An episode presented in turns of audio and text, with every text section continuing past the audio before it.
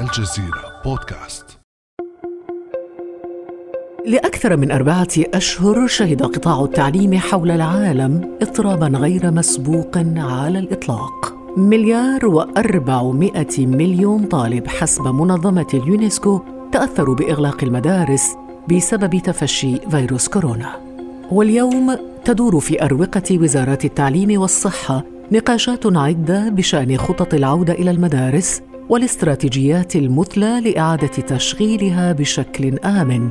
وفي نفس الوقت تنقسم آراء أولياء الأمور بين مؤيد لاستكمال التعليم الإلكتروني وبين العودة إلى الدراسة في المدارس كما كانت قبل أزمة كورونا أو ما يعرف بالتعلم الصفي. ما بفضل ترجع بنتي المدرسة بهاي الفترة خوفا عليها من الوباء. ولكن بنفس الوقت نفسي ترجع لحياتها الطبيعية ونظامها التعليمي. أنا نفسي بناتي يرجعوا للدوام لكن جد بخاف عليهم من الفيروس. مشان هيك بفضل هالفترة ما يرجعوا للا يلاقوا علاج للكورونا. أنا أفضل بنتي ترجع للدوام في المدرسة ولكن نتأكد أول أن المدرسة ماخذة الإجراءات الاحترازية لحماية أطفالنا من هالوباء. رأيي أن الطلاب لازم يرجعون للمدارس. خاصة للمرحلة الأساسية لأنه الطلاب بيحتاجوا يتفاعلوا مع زملائهم مع معلماتهم بشكل مباشر خاصة أنه التعليم المباشر بيخلق بيئة تنافسية بين الطلاب. وبين قلق وخوف الأهالي على صحة أبنائهم وضبابية المشهد حول أنسب الخطط الآمنة للعودة إلى المدارس كيف ستكون جودة التحصيل العلمي إذا تقرر التعلم عن بعد لفصل آخر؟ وما هو الأثر الذي ستتركه هذه المرحلة في نفوس الطلاب؟ وهل تخلق هذه الفترة الاستثنائية جيلا كاملا يعاني من نقص في تحصيله العلمي ومن متاعب نفسية نتيجة للقلق على مستقبله؟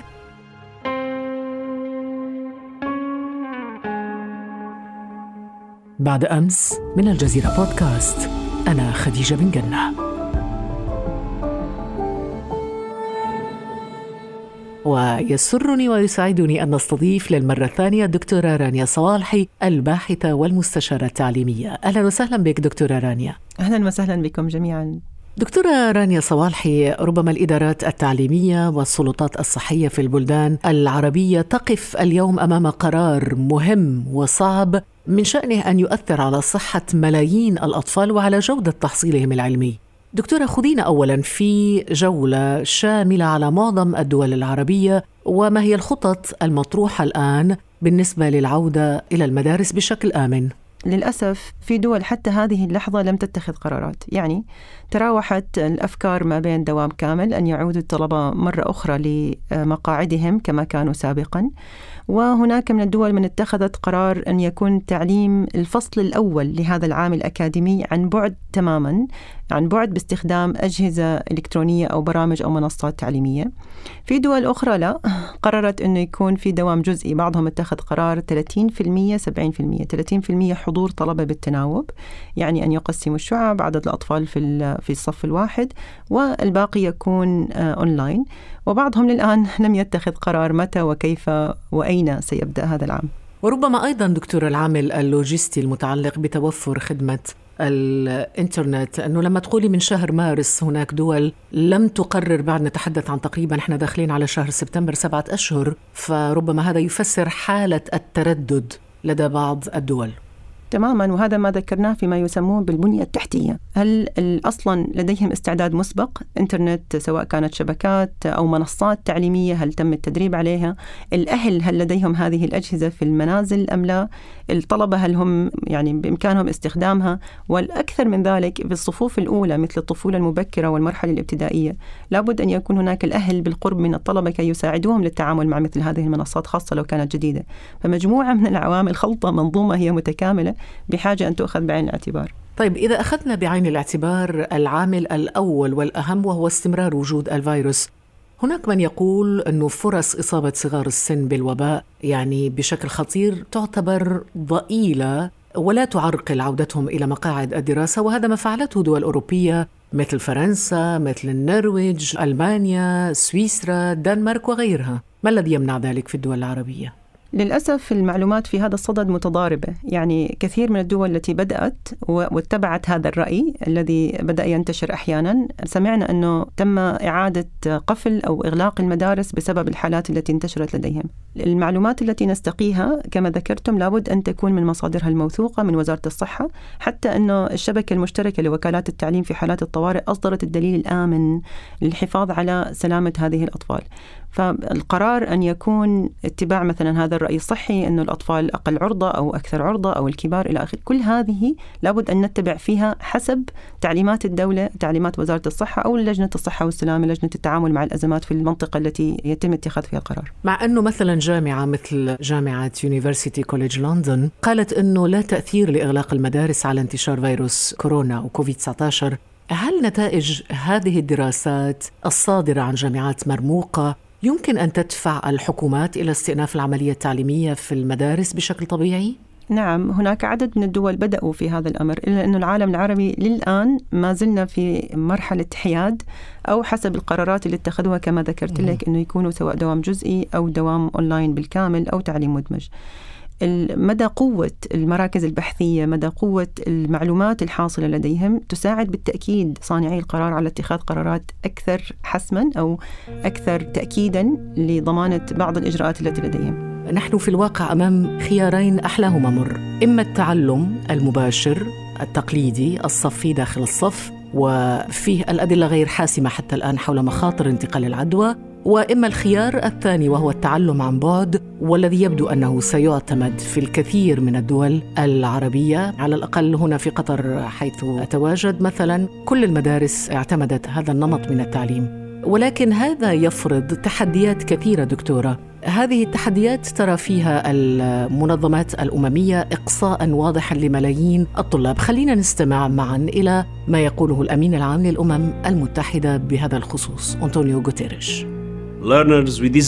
إن طالبي العلم من ذوي الإعاقة وأولئك الذين ينتمون إلى الأقليات أو المجتمعات المحرومة والطلاب النازحين واللاجئين وسكان المناطق النائية هم الأكثر عرضة للتخلف عن الركب.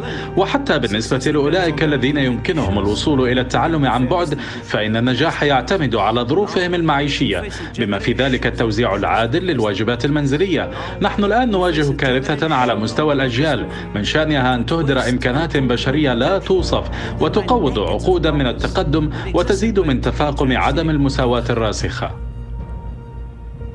دكتورة رانيا إذا نحن أمام حالة من عدم المساواة وعدم تكافؤ الفرص بين الطلاب حول العالم بلغ حدا مروعا وغير مقبول بالأساس والآن سيزداد تفاقما إذا اعتمد هذا النظام من التعلم وهو عن بعد أو التعليم أونلاين للعام الدراسي الجديد أليس كذلك؟ بحكم عملي سابقا كذلك مديرة مدرسة أتفق تماما مع هذه التحديات خاصة وأنا مثلا مع مجموعة من زميلاتي عندما نراعي أو نراجع حالة الاجتماعية للطلبة كثير منا حرص على أنه يتفقد احتياجات أولياء الأمور وبعضهم أرسل لهم أجهزة أو تواصل مع جهات ممكن توفر لهم أجهزة.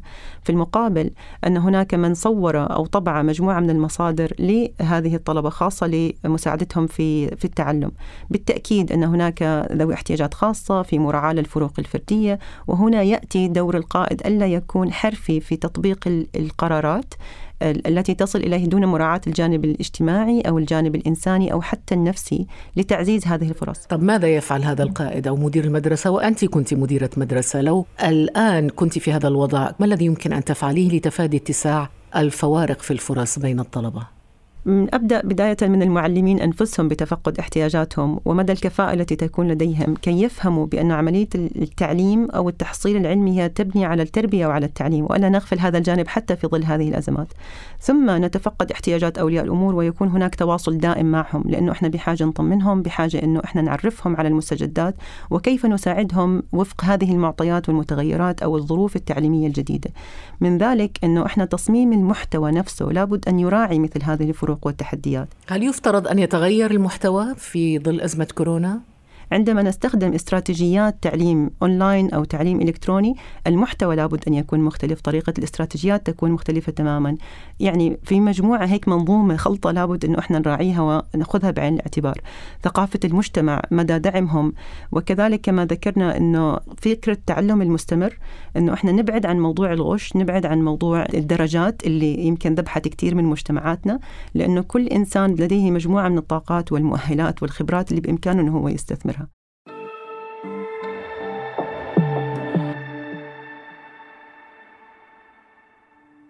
ابدأ بالاستماع الآن ولا تنسى تفعيل زر الاشتراك الموجود في تطبيقك لتصلك حلقاتنا اليومية فور صدورها ابقى على تواصل مستمر مع الجزيرة بودكاست عبر صفحاتنا على فيسبوك، تويتر وإنستغرام.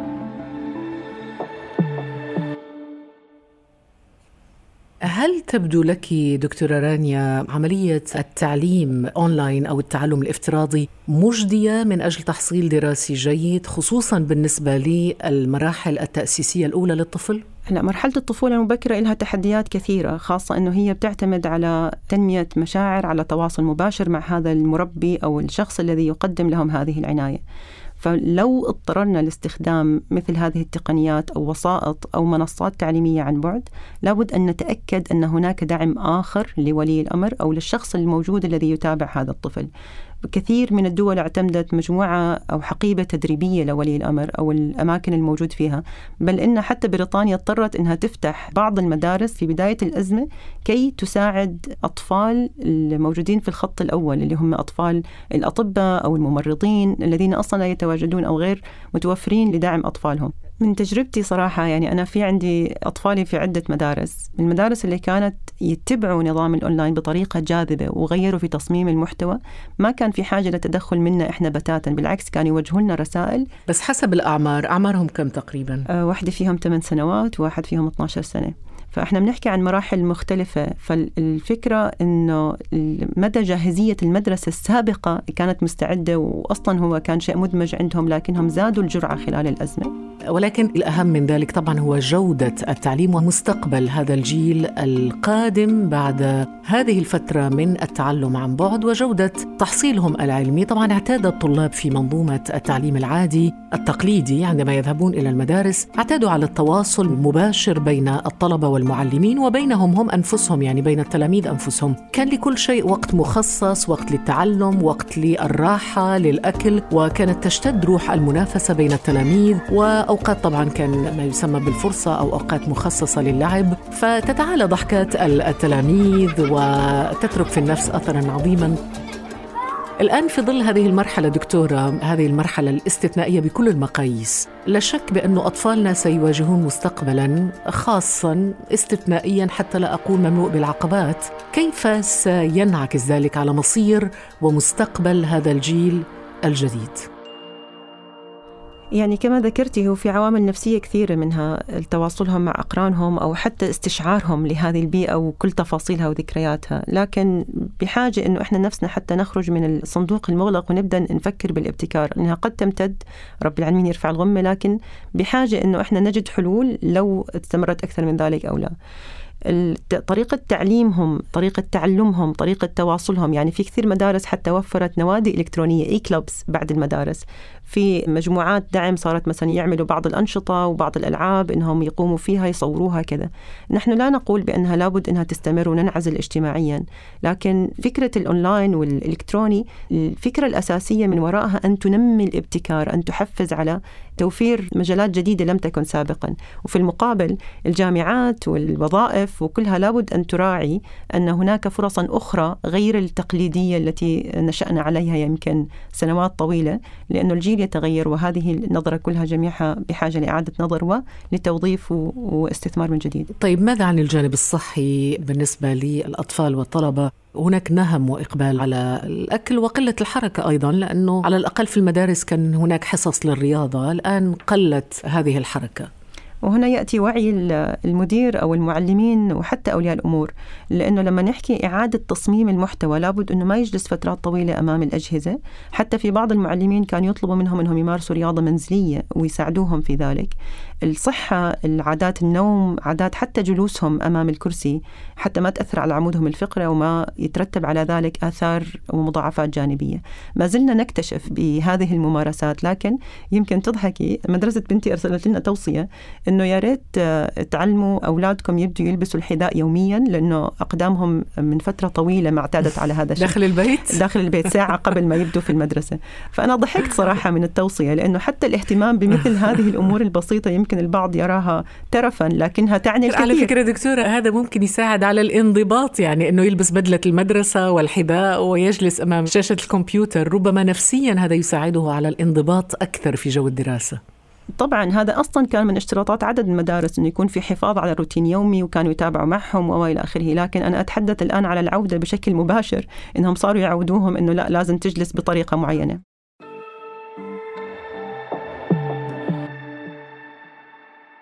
منظمة اليونيسيف دكتورة رانيا تقول أنه في أشد البلدان فقرا يعتمد الأطفال كثيرا على المدارس في الحصول على وجبة الطعام الوحيدة خلال اليوم. وحسب برنامج الأغذية العالمي فإن 370 مليون طالب وطالبة يفوتون هذه الوجبات ويفوتون أيضا الحصول على الخدمات الصحية التي يحصلون عليها في المدارس مثل التطعيم على سبيل المثال كيف يؤثر ذلك على الطلبة برأيك؟ في عندنا آثار أخرى اللي هي زيادة العنف المنزلي زيادة حتى التنمر على سواء كانت الإناث أكثر من الذكور ففي تداعيات كثيرة جدا سواء على المستوى النفسي على المستوى الاجتماعي. بعدهم عن المدرسة لا يعني فقط هو بعدهم عن مجال تعليمي وإنما هناك تداعيات أخرى إحنا بحاجة نأخذها بعين الاعتبار.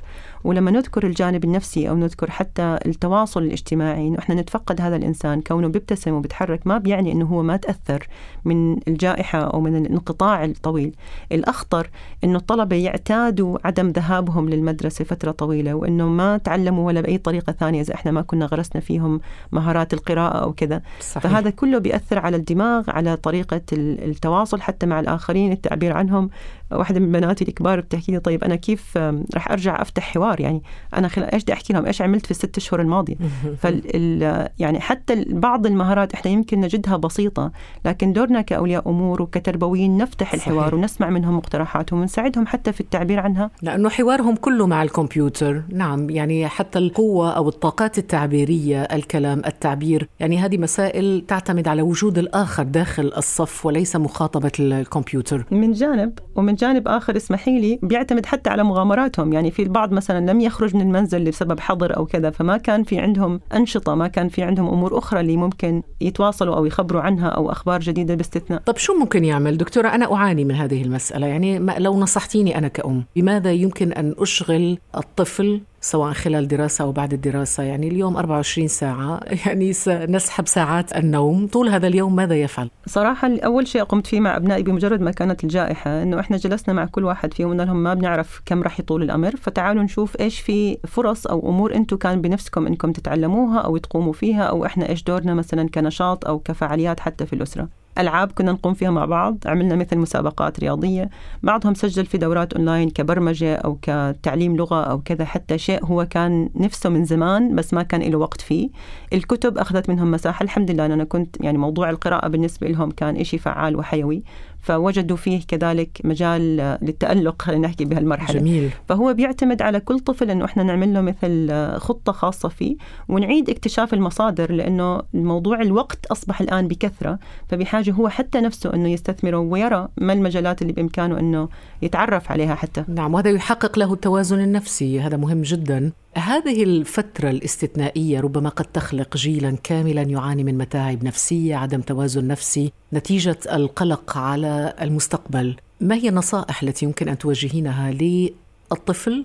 الطالب التلميذ وللأولياء أيضا للأباء والأمهات. أبدأ بالبداية من أولياء الأمور لأنه إذا إحنا اعتنينا بأنفسنا وحافظنا على روتيننا رح ينعكس حتى هذا الأمر على أطفالنا. يعني طريقة تعاملنا مع الأزمة ومع حتى خوفنا على تعلمهم وعلى المدارس وعلى الفرص اللي موجودة عندهم. إذا وجدوا أنه إحنا بنناقش معهم فرص وبنبحث عن أمور أخرى وأنه إحنا نفسنا بنعبر عن مشاعرنا بطريقة إيجابية وفيها كثير من الأمل والتفاؤل بالتأكيد هم سيبدأوا هي بالنهاية مرحلة أو فرصة تعلم وهم سيبدأوا كذلك أنهم يستفيدوا من هذه الأمور ويعبروا فيها حتى عن أنفسهم. يعني بنتي الصغيرة اللي 8 سنين طلبت منها أنها تعدل لي مثل نشاط وكيف استعدادها للمدرسة. فختمت آخر كلمة أنه إحنا أقوى من الفيروس أنه إحنا رح نتغلب عليه. فأنا عجبني حتى طريقة التعبير عنها إنه أكيد ماما رب العالمين حيساعدنا وإحنا كلياتنا رح نتعاون وهو في النهاية شيء يعني إحنا بنتعرض له في حياتنا. بجرعة الأمل الجميلة هذه وهذه الروح الإيجابية والتفاؤلية اللي عبرت عنها ابنتك دكتورة رانيا صوالحي ماما أنا أقوى من الفيروس. هذه جملة رائعة وجميلة. ننهي بها هذه الحلقة من بعد أمس. شكرا جزيلا لك دكتورة رانيا صوالحي الباحثة والمستشارة التعليمية. شكرا لكم. كان هذا بعد أمس.